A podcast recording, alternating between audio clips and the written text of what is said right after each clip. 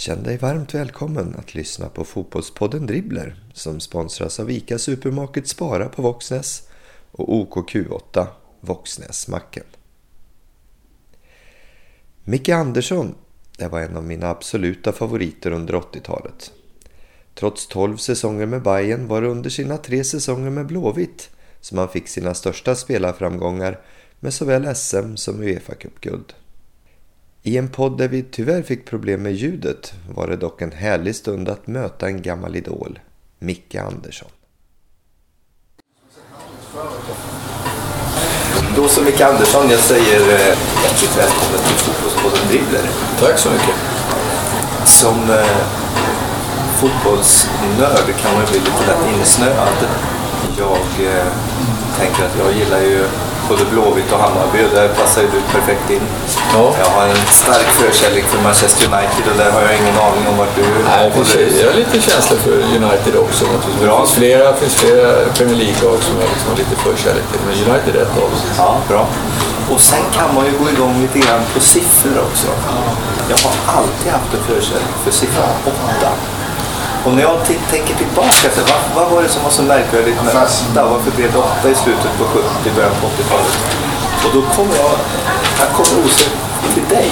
För att Torbjörn Nilsson var en favorit. Micke Andersson var en riktigt stor favorit. Och hade inte du alltid nummer 8? Jag hade i stort sett alltid nummer åtta kan man säga. Och, och eh, det numret följde mig under en större delen i alla fall av spelarkarriären. Varför gjorde du det? Det är en bra fråga. Jag tror egentligen att från början eh, när jag, kom upp i Hammarby som ung spelare och tilldelades det numret så det var nog en tillfällighet helt enkelt. Och, och, och, men, men smickrande att man fick som ung spelare ett så lågt nummer på den tiden. Men nu idag är det ju inte kanske de, alltid de tankarna. Idag har ju spelare som också väldigt höga nummer på sina tröjor. Men på den tiden så tror jag att eh, det handlade väldigt mycket om att få ett lågt nummer för att få lite status och, och känna att man var med i den här första elvan. Och, och i och med att jag fick det numret tidigt så, så, eh, och, och var det med stolthet så kändes det riktigt bra. Och då ska du veta att det har alltså fått en, en eh, fortsättning. Jag kämpade stenhårt för åttan och eh, ser i mina barn också med glädje när de eh, råkar få den tröjan. Så att du lever kvar. Ja, du ser. Det blev väl ett, ett dussin år ungefär i Bayern. Det blev Två säsonger i Göteborg va? Tre säsonger i Göteborg, 12 i Hammarby med lite uppdelning då. Först eh, nio eh, och sen så var jag i Göteborg de här tre åren. Sen tillbaks de tre sista spelaråren så att säga i Hammarby. Hur många procent blåvitt är du idag? Ja, jag tror nog att jag är till ett stort procent blåvitt. Och sen så har jag Hammarby mig och sen ett antal klubbar som jag också har tränat som jag känner att jag har en tillhörighet till. Men eh, om man går tillbaks till, till den unga Micke Andersson då. 17-åring var du va? Ja. När du startade i mitten på 70-talet Ja. i Bayern. Ja. Eh, var du en sån person som liksom, det var Bayern som gällde eller? Det kan inte säga att det var från början för att det kan gå till gårdagen bara. Jag var uppe på Hovet och tittade på hockey. Jag tittade på Djurgården mot Skellefteå. Och eh, det var faktiskt så att jag spelade Djurgården i hockey innan jag spelade Hammarby fotboll. Så att, så att, och sen har jag ju tränat Djurgården efter det också. Så att, eh, det finns väl lite Djurgårdare i mig också trots att jag varit många år i Hammarby. Min bild är annars att man, eh, när man pratar med folk i Stockholm, att man är väldigt antingen eller. Ja, det, så är det ju och det är nog bilden av mig också att jag är en, liksom, eh, en Hammarbyare. Men, men de som känner mig lite mer vet att det, det finns lite Djurgårdare också efter mina, mina hockeyår där som ung spelare. Och även som tränare naturligtvis senare. Men, men bilden kring Hammarby, i alla fall som jag har det, det är liksom att det är något speciellt skimmer kring det här. Eh, liksom att spela på Söderstadion, spela för Bayern. Ja, hur, hur, hur var det för dig när du kom dit på 70-talet? Jag tror att, att i och med att jag var så pass ung som jag var så, så var jag liksom kanske inte påverkad på det sättet. Eh, det är ju kultur som sagt och det är en stark kultur. Eh, men det kanske var tur det att man inte var så påverkad av det i och med att man kom in i laget som ung spelare och, och, och lyckades slita sig fast. Och, och det tror jag nog också har lite att göra med att jag inte var så starkt påverkad av den här miljön. Sen så förstår man ju med tiden hur, hur stark den här kulturen är. Och, och, och nu har man ju haft en, en väldig hås kring klubben nu när man avancerat till Allsvenskan igen. Och den, den här säga, håsen och kulturella liksom, håsen den dyker upp med någon typ av intervall med 15 års intervaller nästan. Titta lite på det häromdagen bara. Då hade man ju på 70-talet så hade man en, en höst som, som var fantastisk 1970 som, som det blev en sån här otrolig Hammarbyås och alla gick på Hammarby i Stockholm. Och sen så hade vi naturligtvis eh, in på 82 då när, när vi var framgångsrika en, en, en period med, med ett stort intresse. Sen fick man vänta till det var guldtider på början av 2000-talet då som, som också blev ett drag kring klubben. Och nu är vi där igen. Trots att man inte ens spelar Allsvenskan så har man 20 000 i, i, i snitt och det är helt fantastiskt. Hur förklarar man det här? Jag tror att det, det ligger latent det här, det här, den här kulturen och ibland blossar upp ordentligt och man får det här trycket, intresset. Kunde du se hos andra som kom dit som kanske bar med sig det här Hammarbyhjärtat att, att det kunde bli nästan för tungt att ha med sig det? Nej, inte när jag var yngre. Då inte på något sätt så känner man att det, utan det var bara stimulerande på den tiden. Och, och det var ju under den tiden i, i slutet av 70 början av 80 som man började att säga, sjunga lite grann mer på läktarna. Och, och till och med så i början av 80-talet att vi fick en sambaorkester också så att det blev lite drag. Men, men nej, det var bara positivt. Man ser de här bilderna nu, det var väl häromveckan när, när man monterar ner Söderstadion. Ja. Folk går och eh, tar grästuvor och, och pissoaränder och annat. Ja. Var, Ja, det visar styrkan i, eh, i fotbollskulturen. Jag menar Råsunda har gått igenom det med alla aik här för en tid sedan och, och, och, det visar hur stark idrotten är och fotbollen är. Eh, det betyder mycket för folk. Hammarby var starka 82 som du säger. Det var ju ett år som Göteborg också hade vissa framgångar som ja. sen kommer gå till. Vad, eh, om man tittar över de här åren som du var i Bayern, hur, hur, hur såg du på den tiden? man kan ju säga att jag etablerade mig då 77 i, i Allsvenskan och eh, eh, som ung spelare och då, då var Hammarby på väg sakta men säkert från att vara ett, eh, ska säga, ett, inte ett bottenlag men som fick kriga rätt mycket i de nedre regionerna så sakta men säkert så under den här perioden då eh, fram till 82 så, så blev klubben mer och mer professionell. Spelarna blev bättre och bättre och vi, vi blev ett stabilare lag successivt. Det var en utveckling som, som gick hela vägen kan man säga till dess att jag eh, började spela för Göteborg. Så, eh, så att Hammarby utvecklades starkt under de här åren märks det så att säga att det, det liksom pumpas in mera resurser i föreningen? Jag tänker att det måste vara en jäkla konkurrens här alltså med tre så stora klubbar som slåss om allting. Liksom. Så det blir allting mycket större i takt med, med framgångar. Ja, men så blir det. Sen så går det inte att jämföra 70 80-tal med, med nu.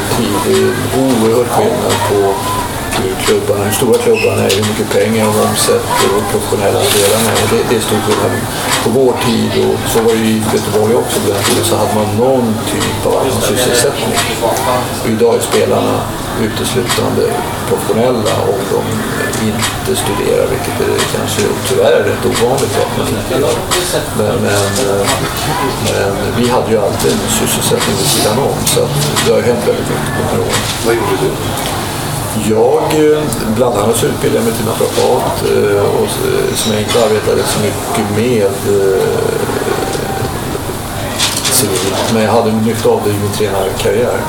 Däremot så var jag också eh, utbildad fastighetsmäklare som jag hade både jobbat som anställd och hade eget bolag under, under 90-talet. Så att, och, och har väl ett fastighetsintresse fortfarande idag som jag sysslar lite grann med.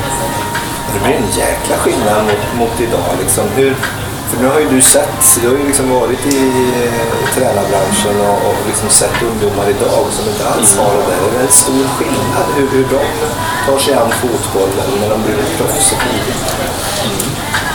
Ja, alltså, det, det är, man lever ju en tuffare tillvaro och det är tuffare konkurrens idag. Det, det är en globalisering både i fotbollen som allt annat också. Så att, eh, eh, vilket innebär att svenska spelare har ambitionen att komma ut i de stora ligorna men vi får också besök av utländska spelare i mycket större omfattning i vår liga. Så att eh, konkurrensen är tuff. Eh, eh, men jag ser väl det mesta som positivt. Eh, det handlar mycket om att klubbarna ska klara av att man kan säga, växa i den takt de klarar av att växa och i den takt de har en ekonomi som tillåter hur, hur professionella man eh, och hur mycket, så att säga, hur mycket pengar du får kosta.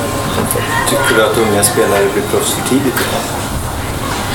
Både ja och nej. Det finns ju de som klarar av det, men det är väl fler som inte riktigt klarar av det. Jag tror att eh, likväl som att en del blir proffs för tidigt, unga spelare, så tror jag nog också att specialiseringen ibland eh, är lite för tidig. Det vill säga att man väljer sin idrott kanske innan man är tio år idag, vilket man inte gjorde när jag var ung. Och det tror jag kan vara en nackdel. Jag tror att, att man, det är nyttigt att hålla på med lite fler idrotter och här skolan kanske också ett stort ansvar som man till vissa delar tappar bort. Eh, så att ett lite senare val av den idrotten som man ska satsa på men också ibland ett lite större tålamod eh, och stanna kvar på hemmaplan. Jag är rätt säker på att vår ungdomsverksamhet eh, har bra kvalitet så att, eh, och, och klubbarna jobbar på ett bra sätt så jag tror inte att man ska ha så bråttom ut i den stora vida världen. Det finns de som klarar det men det finns många som får vända hem. Hur länge har du på med hockey? Jag höll på med hockey och handboll till jag var 14-15 år. Så att eh, egentligen det, det som, som eh, gjorde att jag tog ett beslut, det var att jag blev uttagen på den tiden i fotbollslandslaget för 16-åringar. Och då kändes det naturligt för mig att ta ett beslut. Hur pass viktigt tror du de här, eh, om man tänker som motsvarande där av TV-pucken i hockey och så vidare. Liksom. Om man inte kommer med där, mängden late bloomers som kanske hinner sluta. Hur ser du på det? Det är tuffare, det, det, kan vara, det var lite lättare att vara late bloomer tror jag också förr i tiden. För att man höll på med lite olika idrotter. Man tränade inte riktigt lika mycket i, i vardera sport eh, i antal pass och sånt. Utan det gavs lite mer tid. Man kunde, vi hade ett antal spelare som blommade ut lite senare i Hammarby och blev bra svenska fotbollsspelare. Och där tror jag det är lite tuffare idag. Att man, den utslagningen sker lite tidigare idag. Och, och det, det kan vara nackdelar med det. Tror du att du hade varit en bättre fotbollsspelare om du hade slutat med hockeyn tidigare? Nej, det tror jag inte. Inte, inte i mitt fall. Eh, och inte som, som eh, idrotten såg ut på den tiden. Jag hade möjlighet att, att eh, träna både hockey och fotboll och träna lite handboll och spela handboll också. Sen successivt så blev det mer och mer fokusering naturligtvis på, på fotbollen. Men, men, eh, och då var det lite grann årstiderna som bestämde om det var hockey eller fotboll. Men, men eh, jag vågar väl påstå, i alla fall i mitt fall och på den tiden så, så passade jag mig bra. Jag tror att det var en av de faktorerna som gjorde att jag också nådde jag nådde. Du blev själv aldrig proffs. Nej, jag blev inte proffs. Det var lite svårare förr i tiden. Men eh, jag var ju nära ett antal gånger att bli proffs. Men, men eh, som sagt var, man, man eh, skulle vara en etablerad landslagsspelare. Eh, kanske för att vara, vara säker på att ta sig ut. Jag var en spelare som gjorde ett antal landskamper. Jag tror jag gjorde tio landskamper. Sen gjorde jag däremot ett 20-tal OS-landskamper. Men, men eh, det var inte lika enkelt så som, som det är nu. Hade du anbud som du tackade nej till? Nej, utan jag hade sådär här, jag var, jag var nere och provspelade i Tyskland, jag hade för, lösa förfrågningar och lite sånt där. Men inte, inte någonting konkret som jag tänkte med. Var det någonting som liksom var, var det lite grann en tagg, en besvikelse eller? Inte, inte så mycket tycker jag, utan jag, jag tog steget från Hammarby efter nio år eh, och hade stora framgångar i Göteborg och det tycker jag, det, det, det var stort för mig. Det, kändes, eh, det kanske kompenserade en del av den här känslan att inte komma iväg utomlands. Att, att ha framgångar internationellt med idrott. Eh, det var väldigt, det var tre fina år. Och jag tror att någonstans när man tittar tillbaka på, jag är väldigt nöjd med min karriär. Så att det är ingenting jag tänker på. Sen vet jag ju liksom att hade man varit i samma position idag som fotbollsspelare så hade man sannolikt tagit sig ut i, i Europa någonstans. 1986 så hade Göteborg haft eh, fantastiska framgångar. Och då väljer du att gå dit efter ändå så pass lång tid, nästan tio år i, i Bayern. Ja, nio år då. Varför tog du det beslutet? Ja, vi, vi hade ju då under Hammarby, under tiden i Hammarby, under framförallt perioden 82, 83, 84 så hade vi, man kan säga, var på samma nivå som eh, IFK. Vi var ett oerhört starkt lag och, och, hade samma trupp under ett par säsonger. Bra, intressant. topplag i Allsvenskan. eh, Jag kände väl att, att och det var lite grann det vi var inne på, det här att, att få en ny utmaning. Och eftersom jag inte kom iväg utomlands så kände jag att, att eh, jag fick förfrågan från Göteborg att, att det var en utmaning att ta nästa kliv. Och Hej så länge. förhoppningsvis få så att säga, ytterligare framgångar. Eh, så att inför 86, det var ju efter säsongen 85 och då trots allt så spelade vi i Hammarby då så långt fram som eh, jag tror nästan kvartsfinal eller åttondelsfinal i alla fall mot Köln i, i, 3.40. Åkte ut mot kön. Nej, Henrik, du var här. Udda målet så att säga i dubbelmötet. Men jag kände att då, då var det dags någonstans att få en ny, en ny utmaning.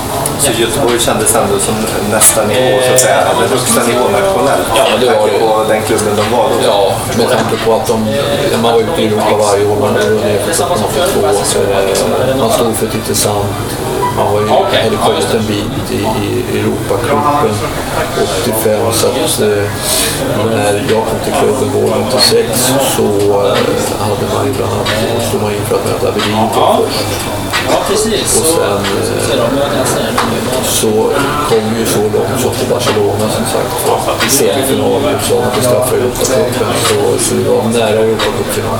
Hur var den upplevelsen? Nej, men det var en fantastisk upplevelse. Vi, vi, vi vann ju med 3-0 hemma mot Barcelona. Bara en sån sak. Bara en sån sak. Eh, även om inte Barcelona hade så många utlänningar på den tiden. Man hade ju tillåtelse att tre utlänningar på den tiden. Men, men Barcelona var ju en etablerad storklubb.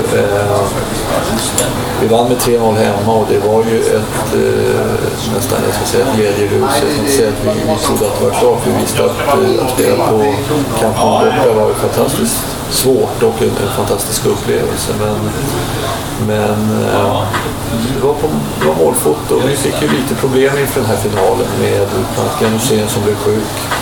Vilket tror jag kan, vara den avgörande faktorn i den matchen. Här Eh, så vi orkade inte riktigt stå emot eh, utan det blev ju 3-0 eh, till Barcelona. Jag kan se det i bild som ett exempel. Det det. Glenn har ju sitt eget sätt att beskriva det här på. Han menade att man kunde inte klara av det här med en dvärg i mittförsvaret och syftade då på Stig Fredriksson.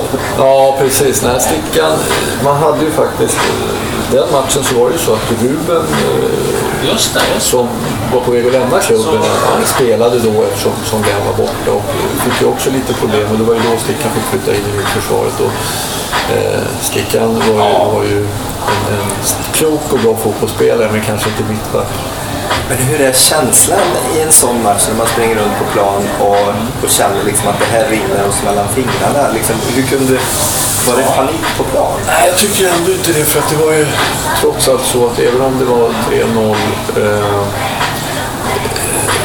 vi hade ju oerhörda problem inledningsvis i den matchen och, och någonstans så ju längre tiden går ju mer jämnar, matchen ut sig. Det här är Så när vi väl kom till förlängningen så, så, så var matchen hyggligt jämn trots allt. Vi gör ju ett mål i förlängningen också. Ja, ja, är precis. Som där, där jag gör mål efter Ja, att... ja, men jag tror att jag klarar det. Ja. Den blir bortdömd för att Ja. de lyckas påverka Jag domaren efterhand så att säga. Och sen, är. Ja, om det är så att man dömer att han är offside eller man dömer att, att bollen är över kortlinjen, det vet jag inte. Han spelar snett in och bakåt med och gör mål. Då innebär det ju egentligen att, att Barcelona måste göra två mål på övertid och det vet de. Att, eh, men de, vi var lite naiva, vi stod inte på oss i den situationen. De lyckades påverka Ja, domaren.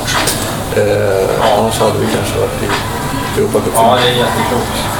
Tänker du på det idag när du, när du kan liksom, om du ser en Champions League-match, att fasen jag har spelat, det är ju motsvarande Ja. semifinal i Champions League. Liksom. Det är ju, Visst, det det kommer väl upp ibland just eh, annanstans. Matchen mot Barcelona kommer ju upp eh, ibland Ja, ja, träffar folk som, som känner till det. Så att, eh, det är ingenting jag tänker på, men, Ja. när man väl diskuterar så förstår man hur nära vi var med Europacupen. Om man beskriver den känslan man hade när man spelade i IFK under de här tre åren så, så eh, var vi inte oroliga när vi gick ut och spelade oavsett motstånd. Vi visste att vi kunde slå vilka som helst när vi gick ut. Eh, I princip så kan man säga under de tre åren jag var i Göteborg så förlorade vi bara egentligen den här matchen. Eh, i att vi, vi, vi vann Europacupen året efter och sen så var jag kvar 88 så långt så att man sen 89 på våren åkte ut mot, mot Panathinaikos. Så att under de tre åren som jag var i Göteborg så var nästan den enda matchen som vi förlorade det var just mot Hyfsat facit. bra facit och det satt ju i väggarna. Klubben var oerhört stark var det en stor skillnad i hur man, jag tänker på tränade upplägget kring en sån klubb om du jämför med Team Bayern? Nej, jag- jag vill inte säga att det var en enorm skillnad eh, mot Hammarby 82 85. För då hade vi så pass bra lag i Hammarby. Men skillnaden i Göteborg var att vi hade en starkare trupp. Vilket innebar att träningen blev tuffare i det skedet. Att det var hö- större konkurrens om platserna. Och, och alla ville visa, och behövde visa varje dag på träningen att jag vill vara med. Och fastän ni har den här motgången får man väl säga att, vara- att vara så nära, att, man, att ni kan samla ihop er så- säsongen efter vinna Uefa-cupen. Det, var det, och det är det som jag känner störst stolthet över om man tittar eh, tillbaka. Det är just att trots att vi då missade chansen 86 så, så går vi hela vägen 87 i Uefa-cupen. Det är fantastiskt. Hur minns du det dubbelmötet med Dundee United? Ja, det, Dundee var ju kanske inte ett fantastiskt fotbollslag, men brittiska lag är alltid tuffa att möta. De var tunga, de var aggressiva, det gick fort. Men, men vi, jag tror att vi, vi under alla de här matcherna kände oss rätt trygga. Den, den, den tuffaste matchen under den resan eh, vill jag säga är nog Inter som vi såg ut. Där vi eh, spelar noll och hemma borta. Och det beror ju lite grann på att de, när de har gjort 1-0 så, så försöker de spela lite italienskt och, och mer stänga matchen och skapa resultat. Vilket innebär att vi kommer uppifrån och, och kan eh, Stefan Pettersson gör rätt, vilket gör att vi går vidare. Det, det är nog den tuffaste matchen, tror jag, under de här åren. Tuffaste motståndaren. De hade ett väldigt bra lag också egentligen. Men mot Dan United så känner jag att var vi liksom jämbördiga från början på ett helt annat sätt. Och, och där vi, ett bra utgångsläge med seger på hemmaplan. På själva spelsättet. Göteborg hade ju ett spelsätt som Svennis hade introducerat i början på 80-talet. Det här med press och understöd. Var det någonting som så långt fram hade så att säga spridits de andra lagen? Eller var det, fick man någon slags akklimatisering när man kom till Göteborg? Hade jag lämnat, hade jag lämnat Hammarby för Göteborg i början av 80-talet, eller, eller ja, då hade det varit en större aktivisering. Men, men i och med att jag lämnade, för det första hade jag själv under tio några, några år, jag var inte så ung när jag i 25-årsåldern. Och som du säger, det hade påverkat de flesta lagen mer eller mindre i Allsvenskan till, för att visst hade vi också eh, press på bollhållare och fan, det fanns delar av IFK spelare i Hammarby spelare. Så, att, så att, eh, det var inte så att det var extrema skillnader på något sätt. Så jag kände väl att passade in rätt snabbt i IFK också. I och med att jag spelade då under den perioden, innan den perioden jag spelade med de här spelarna i landslaget också blev så kände vi varandra. Jag minns ju dig som en, en offensiv mittfältare med god teknik och spelförståelse. Det var inte så att du fick ta de egenskaperna, att det liksom hämmades i något slags större system i Göteborg. Jag tror, att- jag tror att det var det som var styrkan i IFK och, och en av de stora delar i framgången. Utan vi hade ju ett bra grundsystem som man lutade sig mot. Men sen hade vi ju kreativa spelare som, som Tobbe Nilsson bland annat. Och, och de, jag menar, det gavs utrymme för, för den delen av spelet så att säga.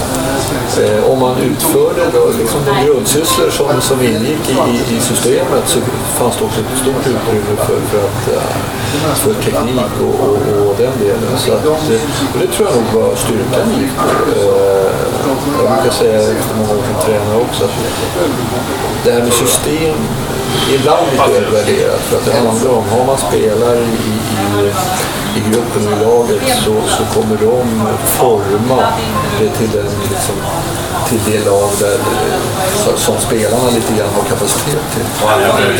Ja, alla kommer till sin rätt eh, mer eller mindre i, eh, om man, om man, om man liksom hittar former för att, att ge ett Om du har en ändå central roll på ett mittfält i ett lag som är på allra högsta Europanivå under en tid då man kan väl inte säga att svenska landslaget har sin bästa period eh, genom tiderna.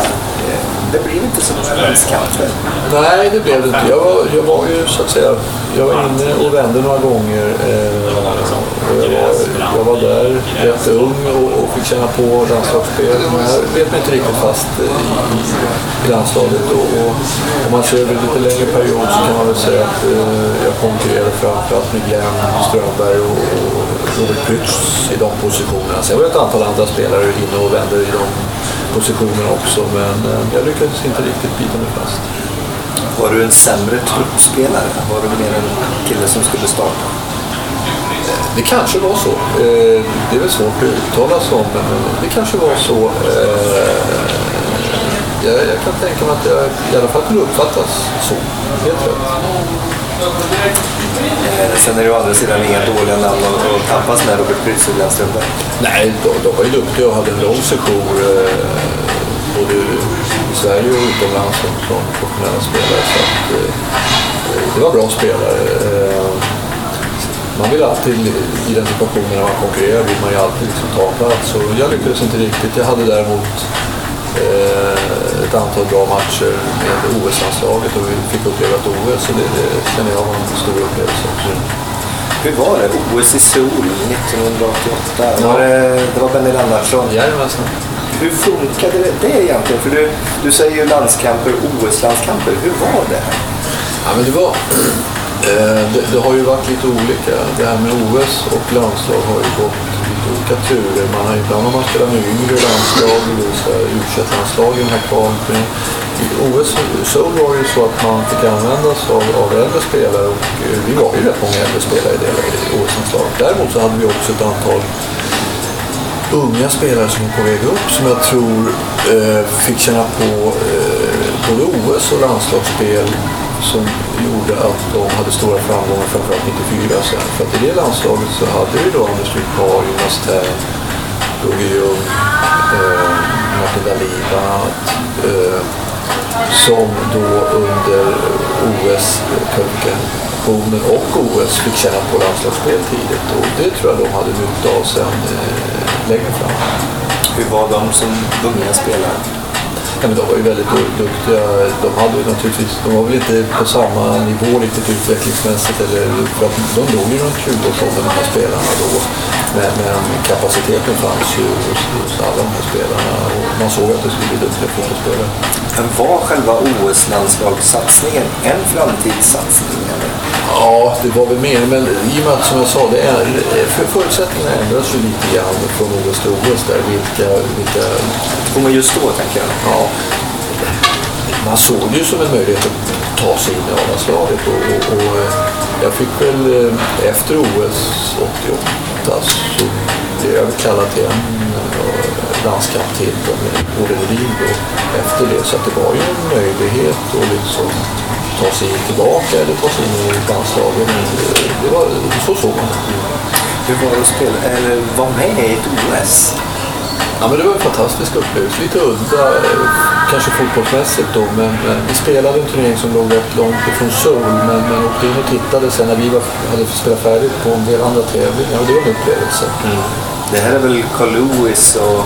Har du sett några Framför, sådana? framförallt så var det väl Ben Janssons OS Ja, just han det, åkte just det. fast. Eh, Såg du några friidrott? Nej, det gjorde vi inte. Vi såg tennis däremot och eh, lite andra små idrotter. Men, men eh, det som det talades mycket om då, det var ju Ben Johnson. Och de gula ögonvikarna. Ja, och eh, mm, så att eh, det var, det var, do- dopingen fanns ju med i den diskussionen väldigt mycket. Fanns dopingen som en diskussion inom fotboll? Nej, inte, det vågar jag påstå, inte på den tiden. Eh, idag är det väl relativt liten omfattning som, som man upptäcker sånt också. Så, och det, det ska vi vara glada för att fotbollen inte i vilket fall som helst står i, i fokus där. Men, men som all idrott, det förekommer. Eh, men det är ingenting som jag stötte på under den, min aktiva karriär och, och det var ingenting man talade om speciellt mycket på den tiden.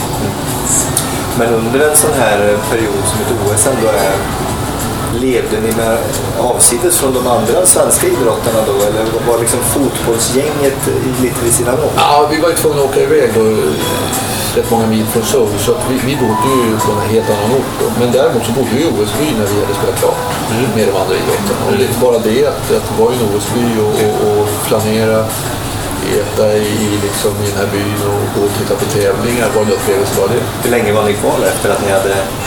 Var det kvartsfinal? Ja, vi åkte ju ut mot Italien. Ja. Eh, Gick vidare i gruppspel. Ja, vi, vi, jag vet, vi, vi slog ju faktiskt eh, på den tiden Västtyskland då, med Klinsmann bland annat som spelare i kvartsfinal, eller i gruppspelet och det innebar att Eh, Västtyskland fick möta Elfenbenskusten och vi fick möta Italien och sen kan man ju alltid spekulera om tyskarna var lite intresserade av att inte vinna mot oss då, jag vet inte. Men Italien hade också ett rätt bra lag. Vi, vi förlorade den matchen och, eh, men vi gjorde ju faktiskt rätt bra ifrån oss i, i det OS måste jag säga. Eh, eh, och det blev en final mellan på den tiden Sovjet och Brasilien på den tiden. Så Eh, Och Brasilien hade bland annat Romario då i det laget. Så att, eh, det var en del duktiga spelare med i OS helt klart. Hur lång tid fick ni efter... eh, Jag tror att det var fyra, fem dagar som vi var kvar. Men Då. vad häftigt att få Vi missade däremot avslutningen och det var ju också för att vi var tvungna att ta oss hem för att allsvenskan skulle börja. Eh, sluta roa er, kom hem och prestera. Ja, ungefär så. Så vi fick fyra, fem dagar där vi i byn kunde gå och titta på lite andra grenar och, och, känna av den här OS-känslan. Har man som aktiv någon slags eh, sådär som man kan gå in och ut och, och se olika saker som man är liksom akkrediterad att Ja, komma och gå jag i? riktigt ihåg hur det gi- gick till, men jag tror att vi hade någon typ av akkreditering med de här brickorna på något sätt. Så man kan vara lite rörlig och kolla. Ja, eh, inte överallt har jag för mig, för att det var just det som kunde... Jag tror att friidrotten var lite problem där på den arenan. Jag tror att det var där som man var tvungen att ha biljetter eller någonting. Så att det var inte helt fritt liksom, Nej, nej. utan, Man får inte göra som man vill. Nej, man får inte göra som man vill. Nej, precis. Men jag sa ju det tidigare att eh, din aktiva karriär var ju en, en tid då det svenska landslaget inte gick så bra. Inte ett mästerskap mellan 78 och 90. Och där har man ju din karriär kan man ju nästan säga. Ja, exakt. Eh, men, men det var ju så mycket bra spelare och det gick så himla bra. Det har aldrig gått så bra för svensk klubbfotboll med Malmö FF, IFK Göteborg som under den perioden. Har du någon som helst förklaring till den jätteskillnaden? Nej, det är väl svårt att säga. Det, det, det är ju faktiskt, sånt har ju förekommit i andra länder också där, där både Real Madrid och Barcelona har varit väldigt duktiga under långa perioder i Spanien. Men spanska landslaget har inte varit speciellt framgångsrikt. Men då kan man ju förklara det att det kanske var väldigt bra importer till exempel. Ja, ja. Men eh, där, man, det, det finns väl, det kanske finns eh, några skäl var att man inte riktigt eh, drog åt samma håll i svensk fotboll på den tiden när det gällde landslagsverksamhet och klubbverksamhet. Eh, vi hade ju som du sa Svennis som, som eh, och tidigare i Malmö då Bob och Roy som, som införde eh, liknande sätt att spela och det anammades väl inte riktigt på landslagsnivå och så att det tog lite tid innan, innan man, man fick ihop det här och jag, jag tror att det är en av anledningarna. Så konflikten eller, eller om man säger skillnaden i, i synsätt mellan Svennis sätt och kanske Laban och Olles sätt Ja. var så pass stor. Ja, kanske inte när Olle kom, då hade man nog passerat det. Men, men i, i Labans fall så var det nog lite så att man hade olika synsätt på det här hur, hur det skulle spelas fotboll. Laban var förespråkare för eh, kanske mer tysk fotboll och hade ju fantastiska framgångar innan i öster där, där vann med dem med det spelsättet och sen blev förbundskapten. Eh, jag hade också honom i u innan han blev förbundskapten i landslaget. Så eh, det tog väl några år liksom innan man någonstans jämnade ut det här och liksom började få samma synsätt. Eh, och så kan det vara ibland. Jag tror att det, det kan vara en del av det. Sen så hade väl både Malmö, Malmö och Göteborg lyckades då under, under den här perioden, slutet 70 början av 80-talet, få säga, lagmaskiner som fungerar väldigt bra. Och inte alltid kanske det att det var i all, alla fall de bästa individuella spelarna. Men, men, men, men, men man hade fantastiska lagmaskiner. Hur ser du på en kille som Roy Hodgson som ju finns med här då under den tiden, som ändå är några år tillbaka och som fortfarande är på allra högsta världsnivå? Ja, det är fantastiskt. Jag, jag har ju själv varit i branschen som tränare och, och manager under många år. Och jag, är, jag är fascinerad över folk som orkar liksom, inte bara bita sig fast och jobba med, med det här, men också hitta, framförallt hitta energi under så många år och jobba, jobba med, med som eh, tränare och manager. Det, det, det är fantastiskt och jag liksom imponerad av dem som, Roy är en av dem som, och Alex Ferguson är en av dem som, man, man blir imponerad när de orkar hitta den energin under så många år. Har du för bild av Roy? Oerhört eh, skicklig tränare och eh, oerhört ödmjuk och trevlig person. Vad är det som gör honom till en skicklig tränare? Jag tror att det är också den här, här eh, ödmjukheten och, och att han är en gentleman. Liksom. För att hålla sig kvar så länge, då måste man väl ändå, förutom att ha någon slags grundidé, ändå kunna utveckla den och ändra mycket. Ja, det tror jag Roy har gjort. Eh, och det, det, om man går tillbaka till, till även Alex Ferguson, det är ju deras storheter. Att de har kunnat eh, utvecklas med fotbollen eh, successivt under alla de här åren. Och det, det, det är en oerhört stor egenskap att kunna utveckla sig själv och sin verksamhet successivt under fotbollens utveckling. Efter 88 sen då, då är det tillbaka till Bayern igen. Då är det tillbaka till Hammarby igen. eh, Varför, Stor vad, vad ligger bakom det? Jag var väl i en situation där vi, jag och min hustru då, eh, någonstans känner vi att vi, vi ändå någonstans kanske i framtiden ska flytta tillbaka till Stockholm och eh, jag diskuterar om jag fortsätter med IFK Göteborg eh, med ett kortare avtal på ett år till. Eh, och då fick jag en förfrågan från Hammarby om ett treårsavtal och då, då börjar man ju naturligtvis fundera på, ska vi vara kvar i Göteborg ett år till? Eller ska vi vända hem mot Stockholm liksom, eh, de här sista kanske tre åren som jag spelade? Och det blev så att vi, vi, vi lockades väl av delvis att flytta hem till Stockholm, delvis så hade vi ett, eh, ett projekt att bygga huset i skärgården där vi, där vi då hade en tomt som, som ett landställe helt enkelt. Så att det fanns väl några sådana här faktorer som, som gjorde att det vägde över för att flytta mot Stockholm. Men det kunde lika väl ha blivit något år till i Göteborg. De här, de här sista kontrakten, den här som man skriver runt 30. Och man vill gärna ha lite fler år kanske för att Ja. trygga liksom, eh, det kanske blir mitt sista Ja, kontrakt. ja. Börjar man i det läget redan och, och, och liksom tänka på vad händer sen? Jo, men det gör man. Kanske, jag tror kanske i mitt fall så, så var det ändå så att jag... Så, vi, vi jobbar ju med någonting, eller vi hade ju någon typ av alternativ sysselsättning. I mitt fall var det ju då att jag då hade påbörjat Eh, mitt arbete som mäklare och, och hade utbildat mig till mäklare under den tiden. Och, eh, men, men jag tror framförallt att eh, under min karriär, spelarkarriär, så var ju lite grann 30 där lite mer, eh, hur ska jag säga, det här årtalet där man liksom började titta på vad man skulle göra sen. Idag känner jag ju lite grann att man, man kanske inte stirrar sig blind på samma sätt. Man kan fortsätta tills man är 33, 34, 35 om man får fisk och hel. Eh, så, så att man har idag, och det beror också på att man är lite mer professionella fotbollsspelare. Man har, har några år till liksom att spela fotboll. Men visst, sen måste man ju ändå fundera på vad man ska göra i framtiden. Är man bättre, vad ska man säga, är man bättre grundtränad som gör att, att kroppen håller bättre? Nej, jag vill väl säga att jag tyckte det där, grundmässigt så var vi bra tränade på den tiden. Och inte, jag tror inte sämre tränade på den tiden än vad man är idag. Däremot så är man ju med den utveckling som har skett inom, inom all idrott så är man explosivare, man är starkare. Det, det har kommit in den typen av träning där man har mer styrketräning och, och mer expertis helt enkelt eh, inom det området som gör att, att eh, man är lite mer professionell. Man, man, man kan hålla på ytterligare några år.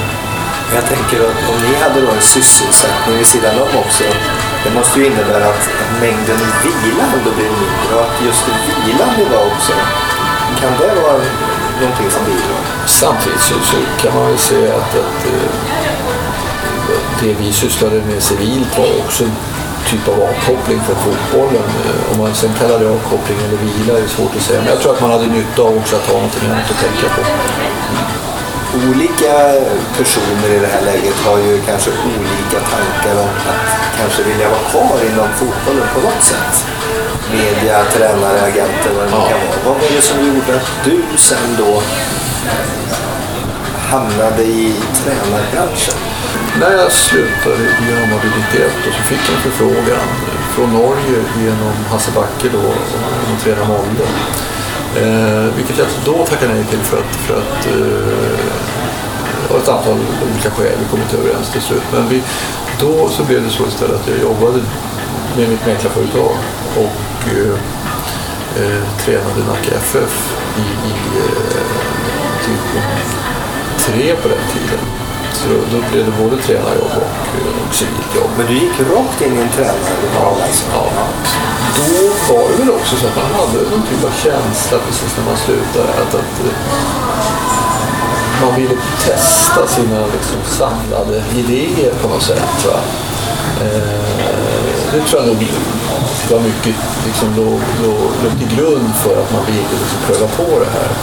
Är det också svårt att släppa taget om någonting man har ägnat så stor Det tror, jag, av? det tror jag nog, även om man kanske det i ord, men det tror jag nog att det, det kan vara. Det är en miljö man är hemma i, det är en miljö man är van vid och, och man tycker att man samlar på sig väldigt mycket erfarenhet. Och, eh, så att, så att eh, totalt så tränade jag fyra klubbar då. Eh, det var i Nacka och det var Spårvägen, det var eh, Djurgården och Malmö. Ja. Men att gå ner på den nivån, säga att du har varit på högsta nationella Ja. nivå man kan vara. Att kliva ner till Nacka, hur var det? Det var väl också nyttigt för att då fick man ju så att säga testa de här idéerna på en nivå som kanske är lite lättare att testa. Liksom sina, sina, sina idéer som man har samlat, samlat på sig.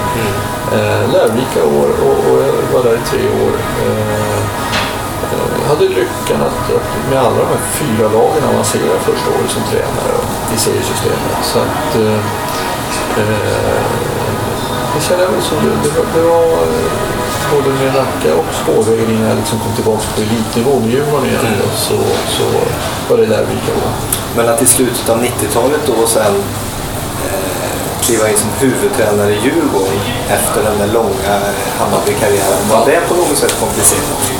Nej, då hade jag trots allt tränat två klubbar innan och, och varit tränare i, i fem eller sex år där. Så det kände jag inte som, som det kändes rätt naturligt faktiskt. Det var, det var inte ett, något problem tyckte jag. Utan, utan jag hade ändå jobbat under fem, sex år som tränare så att det kändes naturligt.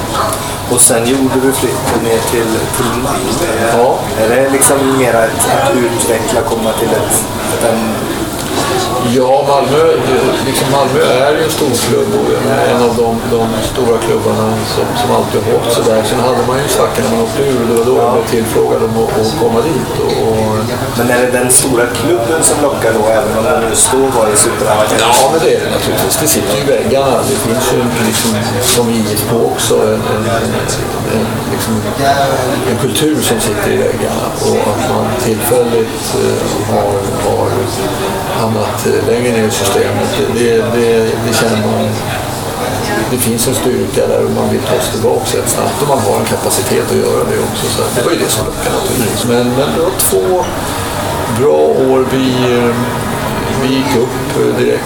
Malmö. Vi kom nia och etablerade oss i Allsvenskan år två. Eh, fick ju också förmånen att träna Zlatan under ett och ett halvt år innan han kom till Ajax. Som, som, när man tittar tillbaka på det lite grann, eh, det finns många upplevelser naturligtvis. Och, eh, roliga saker.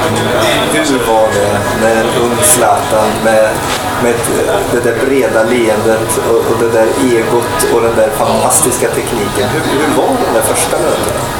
Alltså det, det var ju fantastiskt. Han, eh, man såg det tidigt att han, han hade ju en oerhörd förmåga, förutom att han var då fysiskt stark. Även om han inte var färdigutvecklad på den tiden så såg man att han hade fantastiska fysiska förutsättningar. Och förenat då med den här tekniken.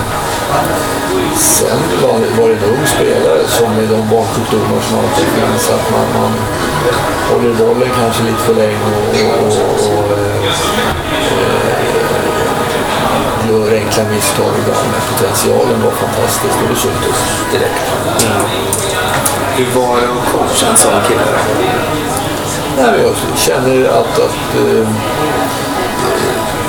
han utvecklades eh, ständigt hela tiden och, och den utvecklingen gick ju fort. Annars hade han inte hamnat i Ajax efter ett och ett halvt år. Sen så har han ju en personlighet som, som eh, där, där det krävs att man jobbar mycket med honom. Han kräver också väldigt mycket av sig själv, vilket ibland kunde vara ett hinder för honom. Att, att eh, vilja lyckas varje träning, vilja lyckas varje match, vilket lika mycket var det som gjorde att han är där han är idag. Man ställer höga krav på sig själv. Men i stunden så kunde det också vara betungande för honom att, att, eh, att eh, när han kände att han inte lyckades riktigt. Det kunde göra att han blev lite, lite så att säga, destruktiv och ibland till och med mot sin omgivning.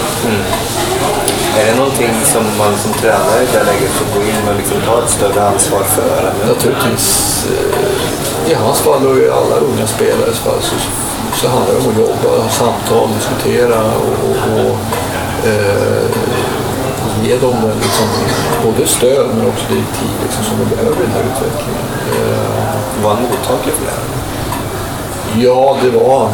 Annars hade han inte varit där han är idag. Eh, hade så många unga spelare en attityd, ett självförtroende, en kaxighet som kanske var lite extrem i hans fall. Men, men eh, samtidigt som han hade den attityden så, så sög han åt sig väldigt mycket. Fem år sa du att det blev i Malmö. Hade du med dig liksom mäklarbiten ner dit också? Nej, utan då var det så att, att eh, efter min tränarperiod i Malmö så jobbade jag lite grann som konsult och då jobbade jag rätt mycket här uppe i Stockholm med bland annat fotbollsevenemang och, och ett av dem var Nacka Smidden i Globen då som jag var konsult för. Så att jag jobbade lite grann med Stockholmsklubbarna med de, de evenemangen. Då. Eh, innan jag då kom tillbaka till fotbollen igen. Så du har hållit dig liksom i olika fotbollsrelaterade... Ja, ända till nu kan man säga nu när jag jobbar med annan verksamhet. Ja. även om jag är kanske inte i, i, i närheten av fotbollen direkt, men det finns ju idrotten lite grann i, i den verksamhet som vi bedriver nu i våra bolag. Där vi konsulterar både organisationer, förbund och, och företag som finns i närheten. Ja. Vad, vad är det för företag idag? Ett företag som heter Sportivity där vi jobbar med rådgivning, konsultation, varumärkesbyggnad men också aktiviteter kring och inom idrotten för företag. Eh, sponsorer. Eh, vi hjälper eh, specialförbund att utveckla sina koncept, sina erbjudanden till sponsorerna. Och vi, vi är lite äktenskapsförmedlare mellan näringslivet och idrotten brukar vi säga. Har du mycket nytta då utav kontakter och annat som du har byggt upp under en sån här lång karriär? Naturligtvis har vi det och det, det, det har vi, vi fyra partners som, som, som har eh, på olika sätt det nätverket som har stor nytta av att vi, vi kan bygga, bygga liksom samarbeten i den här världen med de relationer vi har. Är det flera gamla spelare ledare? Inte några, jag är den som kommer från fotbollshållet så att säga och sen har de andra en annan bakgrund. Det är du som på mötena säger det är jag som vet, det är jag som kan det här. Ja, fotboll i alla fall. Du, när ni, när ni går upp med Malmö där från Superettan, Ja. för att rätta mig om jag har fel, men är inte det precis, är det samma år eller är det något år som skiljer? Samma år som, som Bayern tar sitt enda hittills enda SM-guld. Alltså det är 2001 va? stämmer nog bra. Nu har inte jag riktigt med. Men det är ju 2001, 2001 som Hammarby vinner och det stämmer nog att det är samma år. Ja. Ja. Den känslan var liksom... Hade du kvar något sånt där eh, Bajenhjärta eller? Eller inte så, alltså, jag menar jag, jag gläds naturligtvis med den framgången. Eh, även om kanske den segern förstörde lite grann myten om Hammarby. Eh, men men, men eh, jag hade ju fullt upp naturligtvis med mitt jobb. i- Jo, det förstår jag. Jag tänker när du har tränat då och bygger upp eh, Malmö, en stor svensk klubb. Eh, var det någonsin aktuellt med tränarjobb i, jag tänker på Hammarby eller, eller Göteborg som du hade spelat i? Nej, Göteborg har väl aldrig varit aktuellt. Jag har tackat nej vid något tidigare tillfälle till Hammarby. Det har gjort för att det inte passar just då. Det, det, det är eh, det, har jag gjort vid tillfälle. Jag fått frågan helt enkelt. Men sen då? Då går du över först till Norrköping och sen tillbaka till Hammarby. Då kommer du in i en annan roll. Det kändes som en riktig utmaning. Jag menar, eh, jag tror att jag också, delvis var det ju för att jag hade då jobbat i ett antal klubbar som jag hade hjälpt att ta sig tillbaka. Och Norrköping var ju just i den situationen. Eh, Även om det då var utanför liksom, fotbollsverksamheten så, så, så var det en intressant utmaning. Och eh, jag, känner att med, med så för tillbakablick så var det fyra fantastiskt trevliga år. Jag jobbade i IFK Norrköping och lärorikt också. Men, men framåt. Fyra bra år och utvecklande och vi, vi utvecklade klubben under de åren. Till slut så tog vi oss eh, tillbaka. Det tog fyra år, men lite längre tid kanske än vi hade hoppats på. Men, men, eh, men vi tog tillbaka klubben till Allsvenskan. Men hur ser du på att ha den rollen då? Liksom, för nu, nu hittar du liksom hela tiden Ja. nya roller inom Ja. fotbollen. Jag har väl haft någon typ av grund, grundsyn. Eh, det, har, det har aldrig varit ett självändamål att jobba, eh, liksom hanka sig kvar inom fotbollen. Utan jag har väl haft någon typ av grundsyn att ska jag jobba som tränare så ska det vara mer och mer intressanta uppdrag på en högre och högre nivå. Och är det inte som tränare så ska det vara andra intressanta uppdrag som också är på högre nivå successivt så att säga. Så det, det är väl den tanken jag har haft någonstans. Och, eh, Sen så naturligtvis så får man ju med tiden fundera på om man behöver revidera det eller inte. Men, men det är väl någon typ av grundtanke. Tiden i Hammarby, när, jag har läst om, det var ju en ganska kort tid ändå Ja. som, som VD där. är knappt två. Hot och, och, liksom när, när fotbollen och intresset för fotboll, man nu kan kalla det det, tar sig sådana här uttryck så att folk börjar ringa, man börjar känna sig Ja. otrygg. Hur, vad är din bild Ja, och dina upplevelser? Ja, liksom hot förekommer inom fotbollen tyvärr då, både mot spelare och ledare. Eh, och det, det är ett stort gissel. Det är väl rätt sällan det omsätts till någon typ av handling. Då. Men eh, eh, under min tid i Hammarby där vi hade en svår ekonomisk eh, situation som vi var tvungna att jobba rätt så aktivt med. Det vill säga sälja spelare helt enkelt för att överleva, inte gå i konkurs så eh, lyckades vi kanske inte kommunicera det så väl som vi hade önskat till liksom, support, supportrar, publik, eh, Hammarby Hammarbyare i stort. Och, och vilket gjorde att, att vi fick kritik naturligtvis. Vi gjorde säkerligen, säkerligen inte allt rätt, men vi, vi var tvungna att sälja spelare för att överleva. Så var det. Eh, och i den situationen så, så blev det, eh, uppkom det ett antal hot. Eh, så är det. Och, eh, även om jag inte liksom kände att jag var på något sätt orolig för min egen skull. Men, men eh, man tappar energi helt enkelt. Det är väl det, är väl det resultatet som blir. Att man, man tappar, Tappar glädjen. tappar glädjen, tappar energi och, och, och eh, lite grann tappar tron på den miljön. Eh, tyvärr. Men när man läser ibland om eh, det ska hållas kvartssamtal och grupper utav människor tycker sig eh, ha rätten för att man gillar laget att få ställa frågor och sånt där. Ja. Hur pass vanligt är sånt? Tyvärr måste jag väl säga att jag tror att det är rätt vanligt och jag tror att det är lite för vanligt att, att klubbarna är påverkade av eh, supportrar. Och då ibland kanske av de supportrarna som kanske inte är de goda supportrarna. Eh, och det förekommer och, och de sätter lite för stor prägel på framförallt storstadsklubbarna. Är det ett, ett Stockholmsfenomen i framför allt? Jag tror att det finns till vissa delar både i Göteborg och, och i Malmö också. Sen så kanske det syns i lite större omfattning i Stockholm. Ja. Varför får just de supporterna den statusen eller ställningen? Alltså de, de tar ju den, men varför tillåter man dem ta den? Ja, alltså man, man tillåter väl kanske inte alltid medvetet eh, det.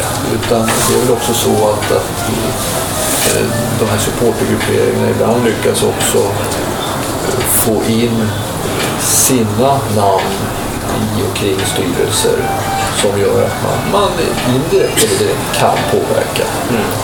Eh, vilket man, man eh, tycker jag ser har lyckats med under, under senare år. Och det, det är lite olyckligt för, för idrotten.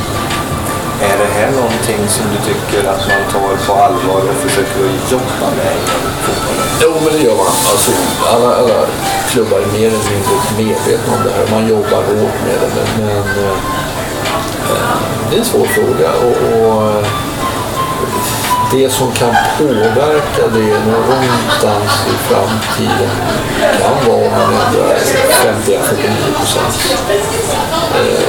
spärren. Det vill säga att det kan komma in externt kapital som, som i klubbarna som också stärk, kommer stärka ekonomin i klubbarna men också kanske påverka just den strukturen på ett annat sätt. Mm. Mm.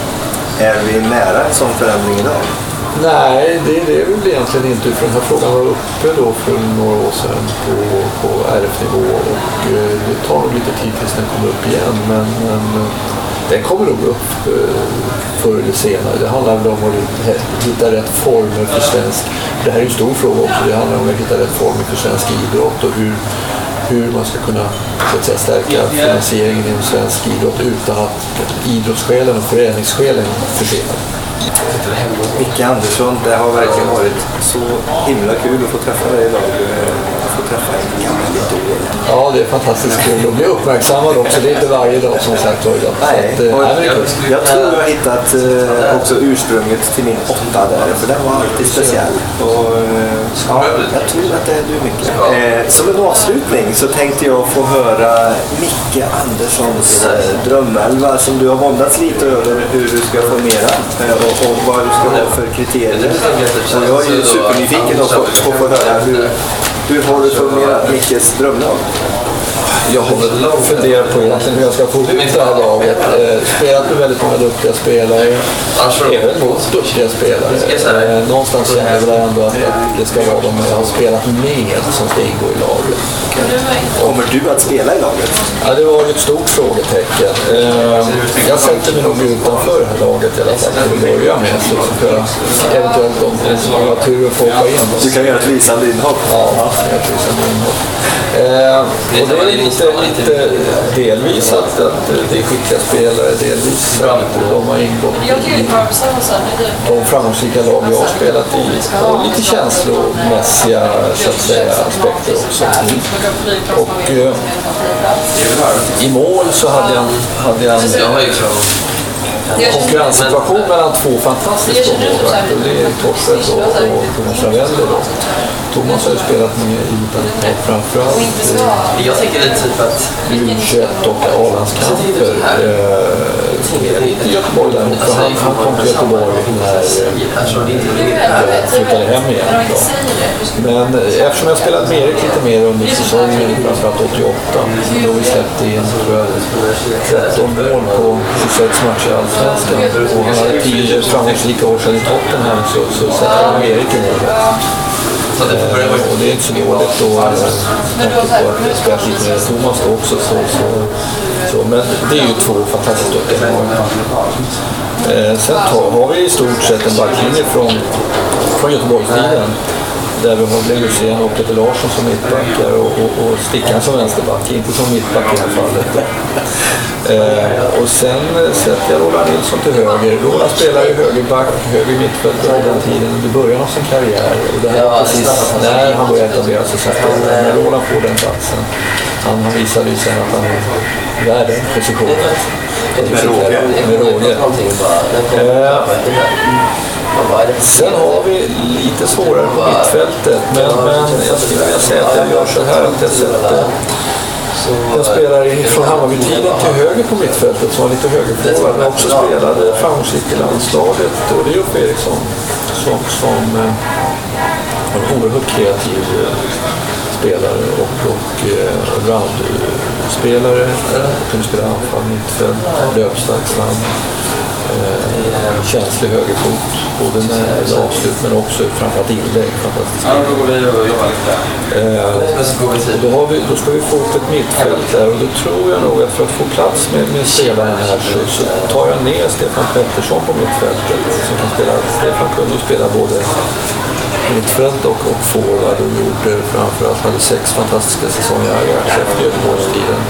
Han var hemma på slutet också. Men, eh, så Stefan sätter på centralt mittfält och då ska han kompletteras med någon och då sätter jag Turbo Tår där som, som Bra balans. får vinna alla bollar. Eh, och sen naturligtvis broder Tommy Holmgren på vänstern som är fantastiskt kreativ vänstermittfältare. Eh, och då har vi positionen längst fram kvar och då är det två starka personer. Lite grann på olika sätt. Men då är Tommy Nilsson en av dem naturligtvis. En av våra bästa forwards. Genom alla tider. Och, och, Sen sätter jag en, en Hammarby-spelare där som man brukar säga kanske den bästa spelaren vi har haft som inte i Hammarby som inte fick spela så mycket. Och det är Kent Olsson. Som under sina Alltså det vi bara, här är vi. bästa perioder var en fantastisk spelare. Och det, han, har ju, han hade ju en fantastisk eh, karriär. Han spelade Hammarby alla år. Han spelat 18 säsonger i Hammarbys A-lag. Han spelade i modern tid och när han kom upp som 18-åring så spelade han till och med Nacka Skoglund. Så att, eh, det, det, det är en eh, speciell karriär och, och han var en fantastisk spelare. Ännu ett skönt 80-tals dreamteam, denna gång från en gammal idol, Micke Andersson. I nästa avsnitt möter jag alla tiders bayern legendar Kenta Olsson. Du hör mer från honom den 12 december. Tack till mina sponsorer OKQ8 Våxnäsmacken och ICA Supermarket Spara på Våxnäs. Jag är jättetacksam för det stöd jag får från er.